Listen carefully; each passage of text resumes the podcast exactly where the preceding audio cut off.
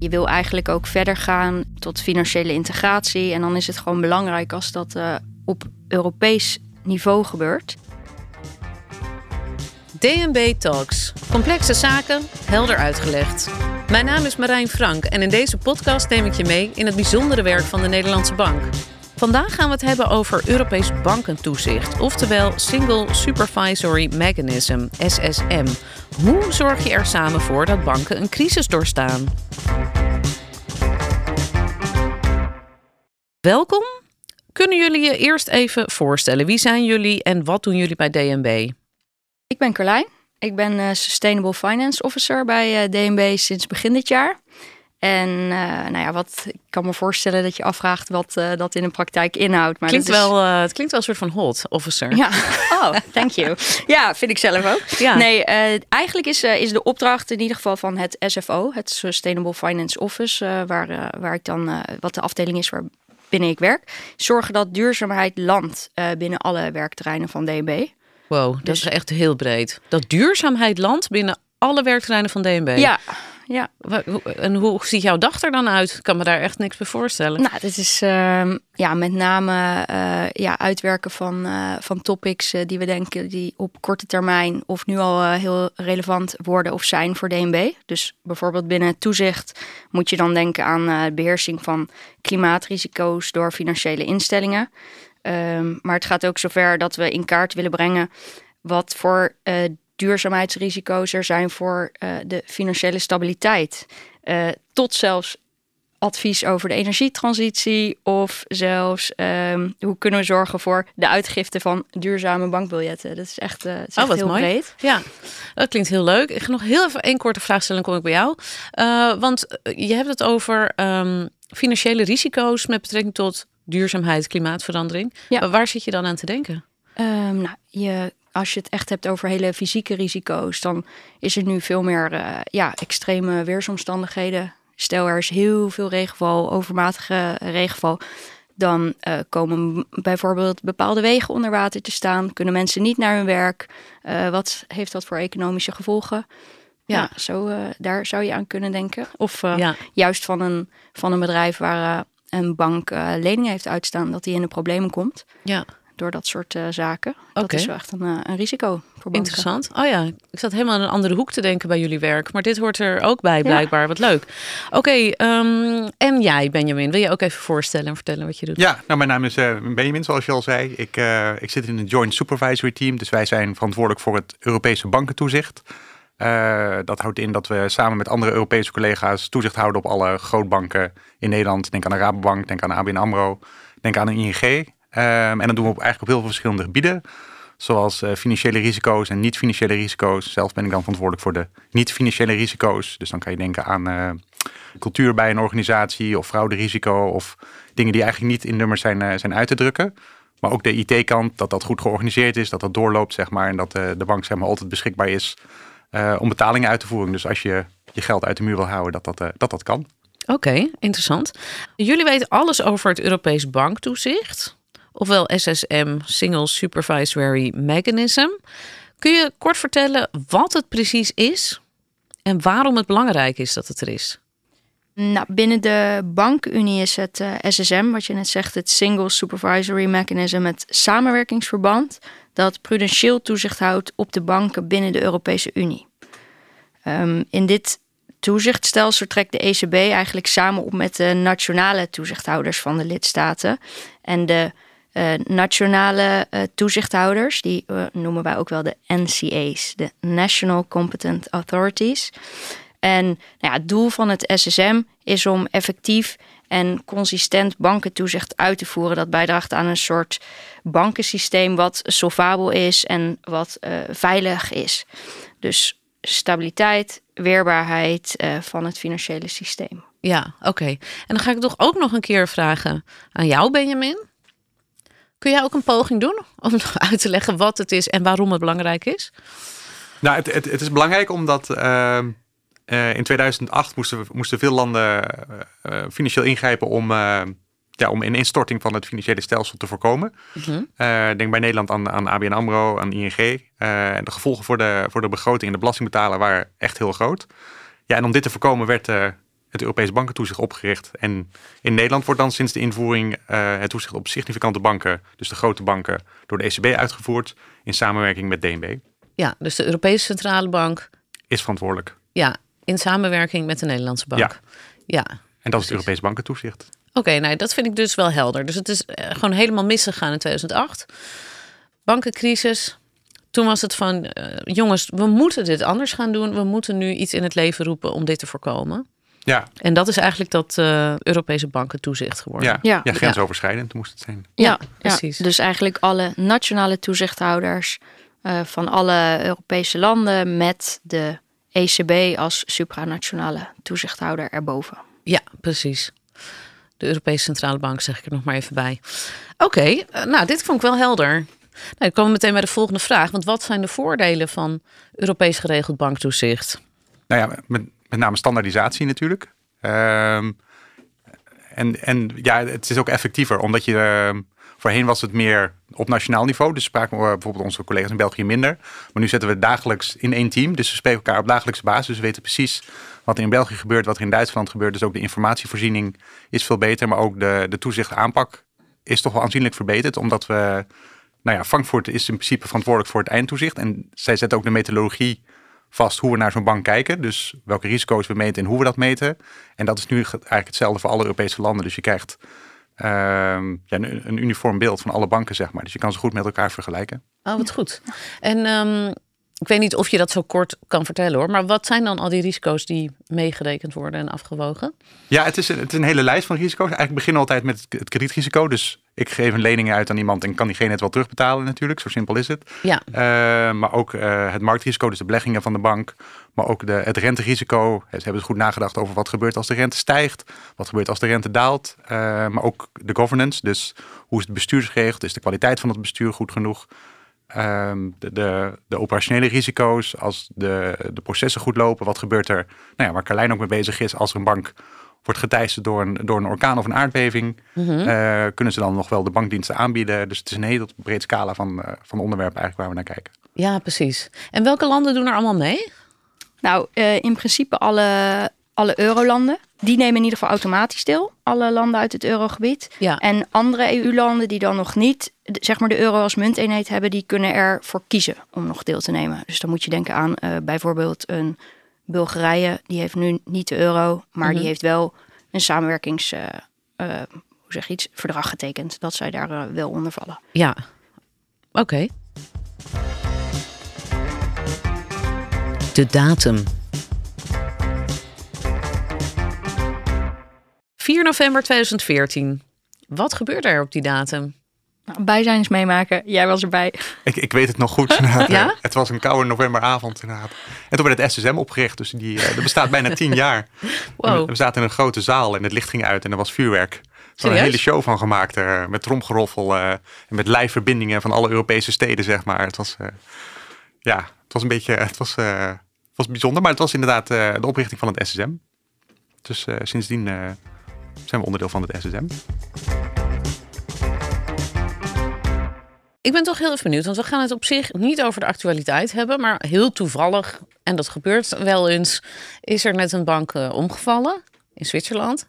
Californië is een bank uh, omgevallen. Het is waarschijnlijk ook al niet meer actueel als dit uh, uitgezonden ja. wordt. Maar ik ben toch gewoon heel even benieuwd. Misschien kunnen we het gewoon wel iets breder trekken. Stel als er zo'n bank omvalt, hè? wat is er dan misgegaan? En wat jullie dus voorkomen doordat jullie bestaan. Snap je wat ik bedoel? Ja, ja nou, een, een oorzaak zou kunnen zijn dat uh, de betreffende bank uh, te weinig buffers heeft aangehouden. Dus dat ze niet in staat zijn om een klap op te vangen. Ja, dus bijvoorbeeld wat we in Amerika zagen, en dat, dat is ook al bekend, is dat ze uh, niet, niet goed hadden nagedacht over wat de rente zou kunnen doen. Mhm. Mm -hmm. Dus zij gingen bijvoorbeeld vanuit dat de rente zou blijven, laag zou blijven. Maar ja, op een gegeven moment is die weer omhoog gegaan en toen kwamen ze in de problemen eigenlijk. Dus het is vrij simpel. Ja. Ja. ja, en misschien nog en dan niet genoeg buffers aanhouden om die verliezen op te vangen. En dan kom je in de problemen. Ja, en wat, wat bijvoorbeeld iets is wat het, uh, het SSM ook heeft aan toezicht tools. Even, wat kun je die afkorting oh, toch even ja, uitspreken? Sorry, het Single Supervisory uh, Mechanism, ofwel het uh, toezichtmechanisme, dat, dat systeem van ja, Europees toezicht eigenlijk. Uh, wat we bijvoorbeeld ook doen is stresstests bij banken. Dus dan gaan we een, bank bekijken uh, onder bepaalde stressomstandigheden. Wat dat dan zou betekenen. Mhm. En bijvoorbeeld bij deze Amerikaanse bank meen ik dat dat uh, al een tijdje niet meer was gebeurd. Dus eigenlijk wordt er dan gekeken van, nou, wat, uh, wat Benjamin net zegt, wat, wat voor invloed kan dat hebben, zo'n hoge of uh, lage rente? Hoe kun je daar dan mee omgaan? Hoe kun je daarop voorsorteren? Mm -hmm. En als je dan zo'n stresstest doet, dan weet je dat een beetje en dan leer je daar eigenlijk van en dan kun je je bank daarop inrichten. Ah. En dan in zo'n crisissituatie daar dus uh, op anticiperen. Ja, maar dit zijn dus wel degelijk onderwerpen waar jullie je ook mee bezighouden. Ja, dagelijks eigenlijk. Dagelijks. Ja. Dit is echt ja. wat jullie doen. Voorkomen dat dat. Uh... Ja, en als wij zien dat het, nou, het niet goed is geregeld, dan ja, grijpen wij in als toezichthouder, zeg maar. Dan Ja. komt er een brief en dan moeten ze dat verbeteren. Heb je daar een voorbeeld van? Nou ja, het renterisico wat ik net al zei. Dat, Ja. dat als wij denken, nou ja, jullie hebben niet goed nagedacht over wat er gebeurt als, zo'n, als de rente weer omhoog gaat. Mhm. Denk daarover na en, en, en, en bedenk daar welke beleidsstukken of welke beleid, hoe zeg je dat in Nederlands, eh, policies je zou invoeren, zeg maar, om zo'n risico te mitigeren, zoals het heet. Ja.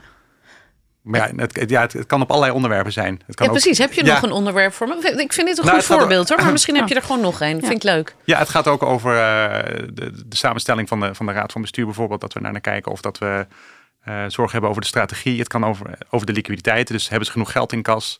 Eh, waar halen ze hun geld overal vandaan? Zijn het alleen bijvoorbeeld spaarders? Of zijn het ook eh, institutionele beleggers, zoals we, eh, dus grote pensioenfondsen? Is daar een goede mix? Is daar, hebben ze goed nagedacht over de risico's? Ehm, eigenlijk alles komt neer op het, op het goed managen van je risico's. Daar komt het eigenlijk op neer. Vanuit dat, die gedachte gaan we, gaan we daar naar kijken. Ja. Ja, en, en misschien ook nog wel, eh, of een voorbeeld wat ook wel tot de verbeelding kan spreken is, nou, je- we leven nu in een tijd waarin er steeds meer wordt gedigitaliseerd. Eh, nou, een bank die, die, die biedt ook steeds meer services aan eh, online en eh, digitaal.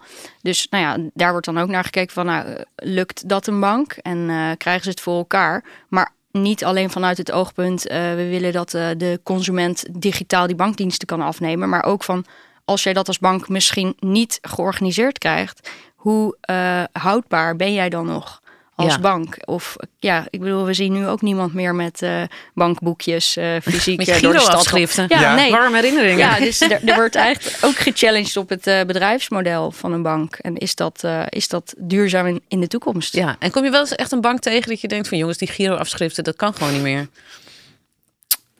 Af en toe, ja, je weet het niet inderdaad. Ja. Niet waar ik de bank naar kijk, maar ik kan me voorstellen dat dat eventueel zou kunnen. Inderdaad. Ja, oké, grappig. Nee, ik wist niet dat het nog bestond.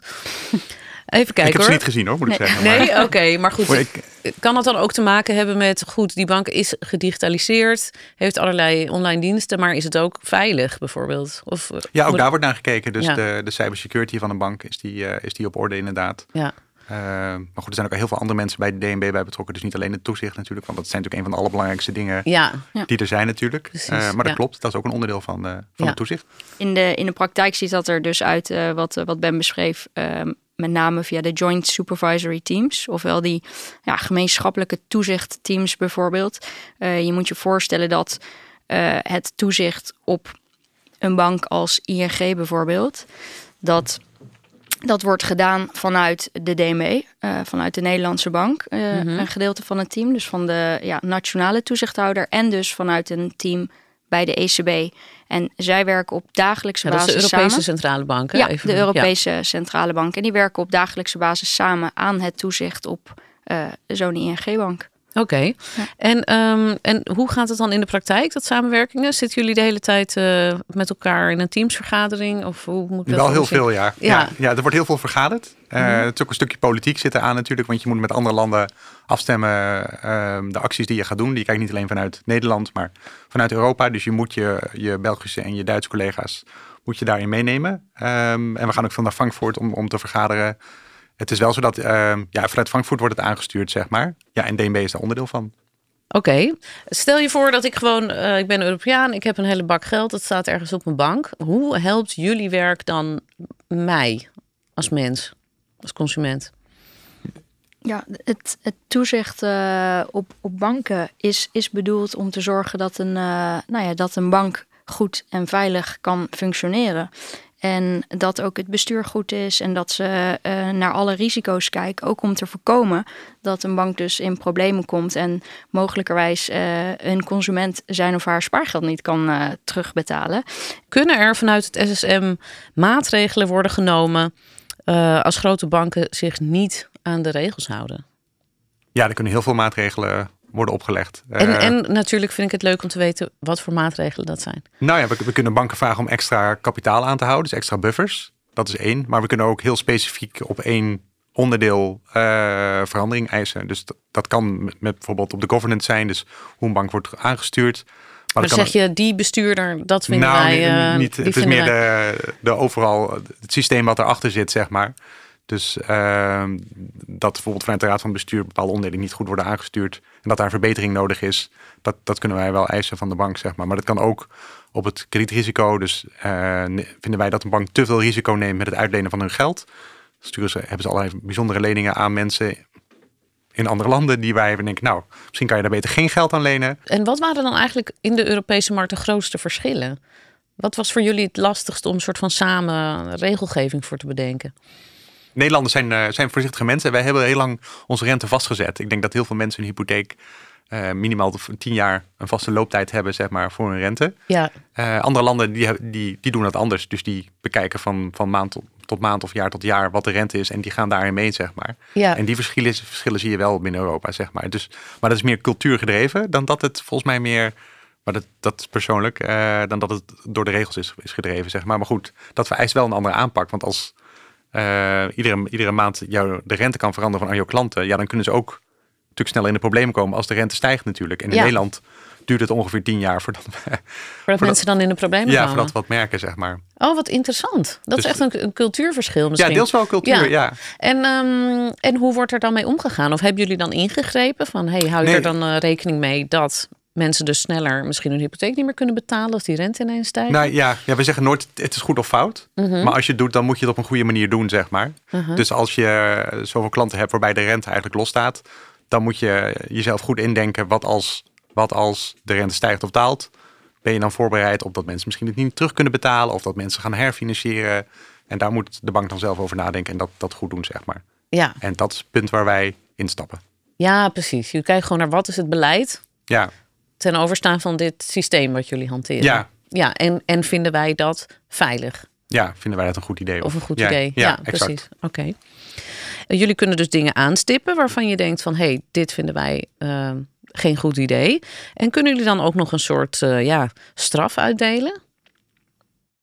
Ja, in principe wel. Natuurlijk, eh, kijk, dat wij vragen om een bank extra buffer aan te houden, daar zijn ze natuurlijk per definitie niet zo blij mee. Want een buffer aanhouden kost ook geld voor de banken natuurlijk. Mhm. Eh, maar in het ergste geval kunnen we ook boetes opleggen.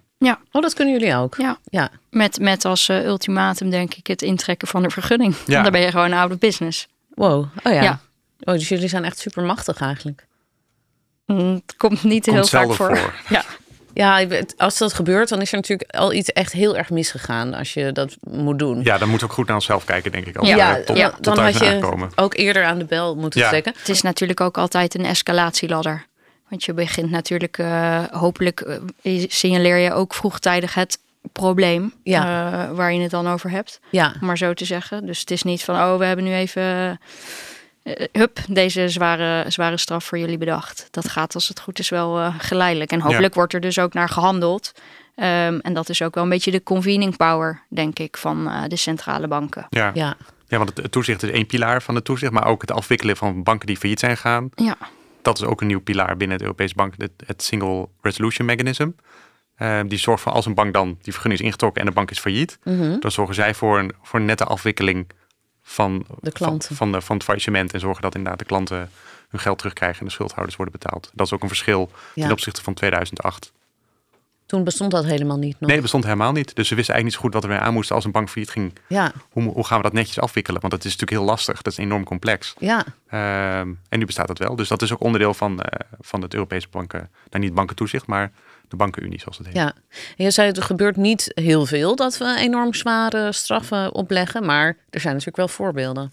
Nou, vaak zeg maar binnen de, binnen de toezichttools, kijk, het eh, Joint Supervisory Teams, dat is natuurlijk eigenlijk al een heel groot instrument om dan Uh, dat zij bijvoorbeeld een deep dive kunnen doen. Mhm. Uh, dat ze op een bepaald onderwerp meer informatie gaan vergaren. Maar uh, er kunnen ook thematische onderzoeken worden gedaan, die dan veel meer eigenlijk op horizontaal niveau worden uitgevoerd. Dus dat er dan naar een bepaald risico wordt gekeken bij meerdere banken. Dus dan heb je ook een mogelijkheid om wat te vergelijken. Mhm. Dus waar je dan misschien denkt van hé, hey, is dit problematisch bij deze bank? En je kan dat dan bij meerdere banken tegelijk bekijken, dan zie je, nou, dan valt het eigenlijk wel weer mee. Of ook best practices natuurlijk is iets wat je door het SSM meekrijgt. Je kan zien hoe bepaalde banken dat doen. Dus je, kunt je kunt natuurlijk ook wel veel meenemen in het gesprek met zo'n bank. Ja.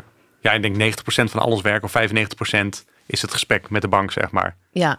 Je komt er samen wel uit, zeg maar. Dat, uh, dat idee, zeg maar. En die 5% zijn dan echt de, de zware maatregelen zoals jij ze, zoals jij ze schetst. Ja.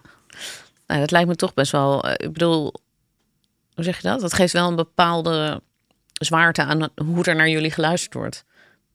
Neem ik aan. Als het goed is wel. Ja, precies. We doen ons best. Ja. DNB Dilemma. Wat staat in jullie werk voorop? Puntje, puntje A. Het nationaal. Of B. Het Europees belang. Het hangt van het onderwerp af. Soms heb je een nationaal belang uh, dat je nastreeft en soms een Europees belang, zeg maar. Uh, soms valt dat samen en soms valt dat niet. Wat kies je dan als het niet samenvalt? Dan wordt het in de honderd in, in Frankfurt en dan is het een onderhandeling. Dus soms win je en soms verlies je natuurlijk. Dat is met alle zaken die binnen ja, Ja. Europa worden besloten natuurlijk. Ja, Uh, dit is geen uitzondering daarop. Ja. Soms krijg je zin en soms niet. en voelen jullie nou meer Europeaan of Nederlander? Ja, ik voel me wel echt Europeaan, maar Ja? Ja, ik wel. Ja. Oh, mooi zeg. ja. ja, we moeten het samen oplossen. Ja. Ik, denk, ik denk dat dat één ding wel duidelijk is geworden, ook uh, sinds de crisis zonder, uh, zonder Europa of zonder samenhangend Europa gaan we er niet komen, denk ik. Nederland Nee. zelf is toch echt, echt te klein. Ja.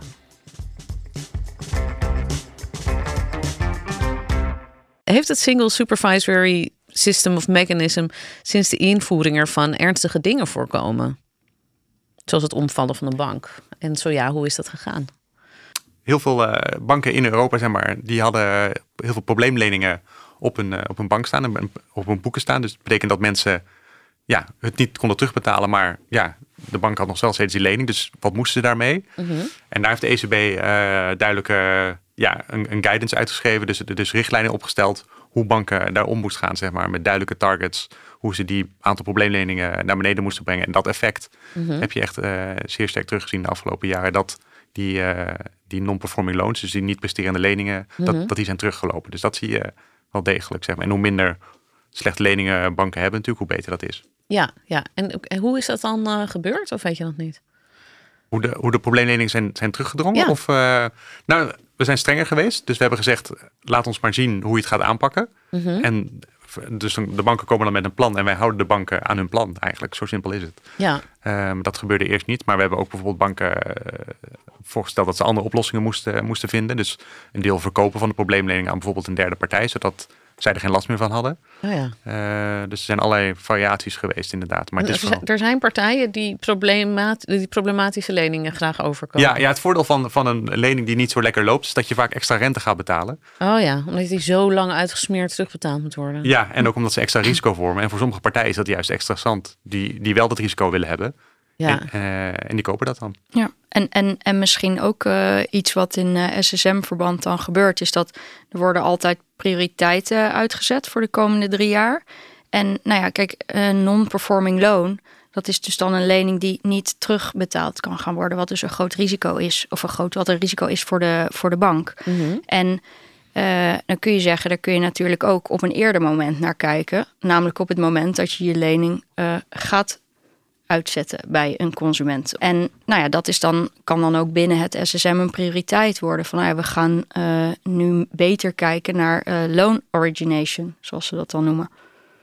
Ja. En ik denk dat dat ook... Uh, naar voorwaarden voor, om een lening te krijgen. Nou ja, gewoon al ja, voor, voordat je een lening verstrekt. Ja. Van, is dit geschikte kandidaat? Ja, precies. Gewoon aan de voorkant. ja. ja. In het kader van voorkomen is beter dan genezen. Ja, precies. Ja. Dus ja, een kan. ander voorbeeld is de, de datakwaliteit die niet goed was bij heel veel banken. Um, dat, en dat zagen we als soort van, van root cause dat woord kan ik... Uh, worteloorzaak. Ja, worteloorzaak. als bron van al het kwaad ja. terugkomen in... dat ze bijvoorbeeld de risico's niet goed konden inschatten, omdat ze geen goede data hadden. dat ze leningen verstrekten omdat ze denken, nou, het kan wel, het kan net niet, omdat mhm. ze inderdaad de goede data weer niet hadden. Dus daar hebben we ook ingegrepen en daar zie je echt wel, wel, wel verbeteringen terugkomen. Ja, oké. Ja, en misschien is dit ook nog wel een antwoord op je eerdere vraag van uh, wat heb ik als consument aan het SSM. Mhm. Maar uh, ook dat voorbeeld net van de loan origination, kijk, dat is natuurlijk voor de bank. Is dat prettig om niet iets uit te lenen aan iemand die uh, later niet in staat blijkt om het terug te betalen. Ja. Maar je wil natuurlijk als consument ook niet een lening die je niet terug kan betalen. Ja, dit is natuurlijk ook om mensen een inkijkje te geven hoe het is om te werken in jullie uh, jullie baan, jullie positie. Hoe is het om je dagelijks met dit onderwerp bezig te houden? Uh, ja, ik, uh, ik, vind het, ik vind het heel erg leuk, want ik zit er al best een tijd. En ik ben ook niet van plan om op korte termijn weg te gaan. Dus, en wat maakt het zo leuk voor jou? nou, ik vind wel dat hele internationale aspect vind ik echt ja, vind ik bijzonder leuk werken. Je hebt veel. Moet je ook veel reizen? ook wel, ja.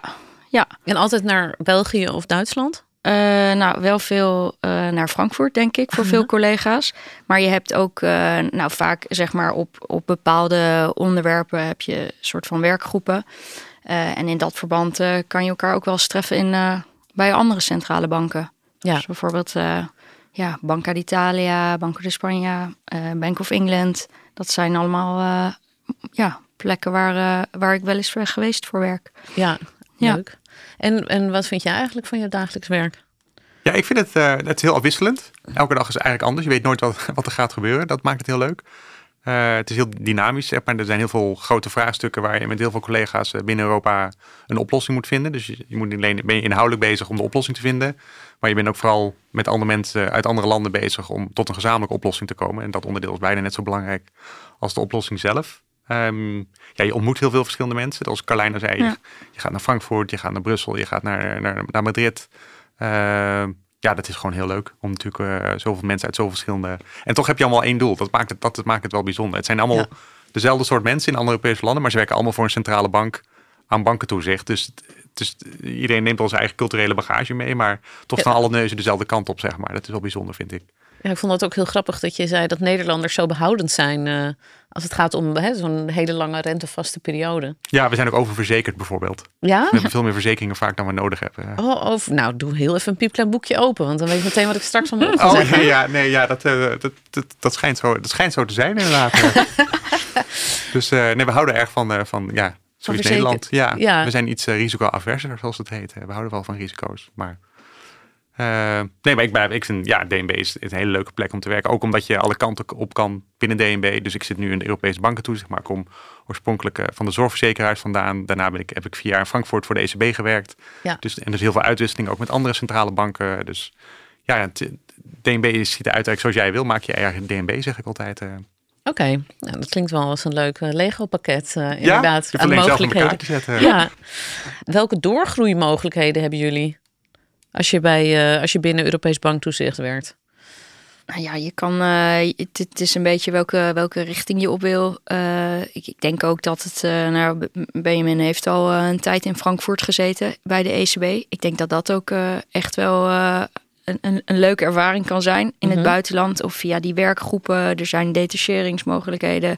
ja, wil je je verder ontwikkelen op een bepaald expertisegebied of tot een bepaalde expert op een onderwerp of ja, wil je uh, leidinggevende worden of zo'n soort rol, dan kan je eigenlijk ook alle kanten op. Dus maar net uh, ja, wat jou past, zou ik maar zeggen. Ja, precies. Nou, ik heb ook nog een luisteraarsvraag en um, die is deze keer van René. En René wil weten, als door het Single Supervisory Mechanism grote banken onder het toezicht van de ECB, de Europese Centrale Bank, zijn komen te staan, wat valt er dan eigenlijk nog te doen voor DNB in het bankentoezicht? Nou, DNB houdt uh, toezicht op de middelgrote en kleine banken. Dus uh, daar is sowieso heel veel uh, te doen voor DNB. en we hebben natuurlijk ook nog de economische adviestak resolutieautoriteit zijn we ook. Dus uh, er is echt een, uh, een hoop te doen. Zeker, uh, zeker weten. Ja, heb je nog een aanvulling, Benjamin? Nou, bankentoezicht is, is, het is niet minder geworden. Het is vooral meer geworden. Dus er zijn ook gewoon meer mensen nodig. Ja. Uh, dus de mensen in Frankfurt alleen zouden het niet kunnen. Dus hebben DNB heel hard nodig om het Europees bankentoezicht uh, uit te voeren natuurlijk. Ja. Uh, nou, dankjewel Carlijn en dankjewel Benjamin. Dit was een aflevering van DNB Talks. Heb jij ook een vraag over het werk van DNB? Stel hem via dnbtalks.dnb.nl en wie weet beantwoorden wij hem in de volgende aflevering.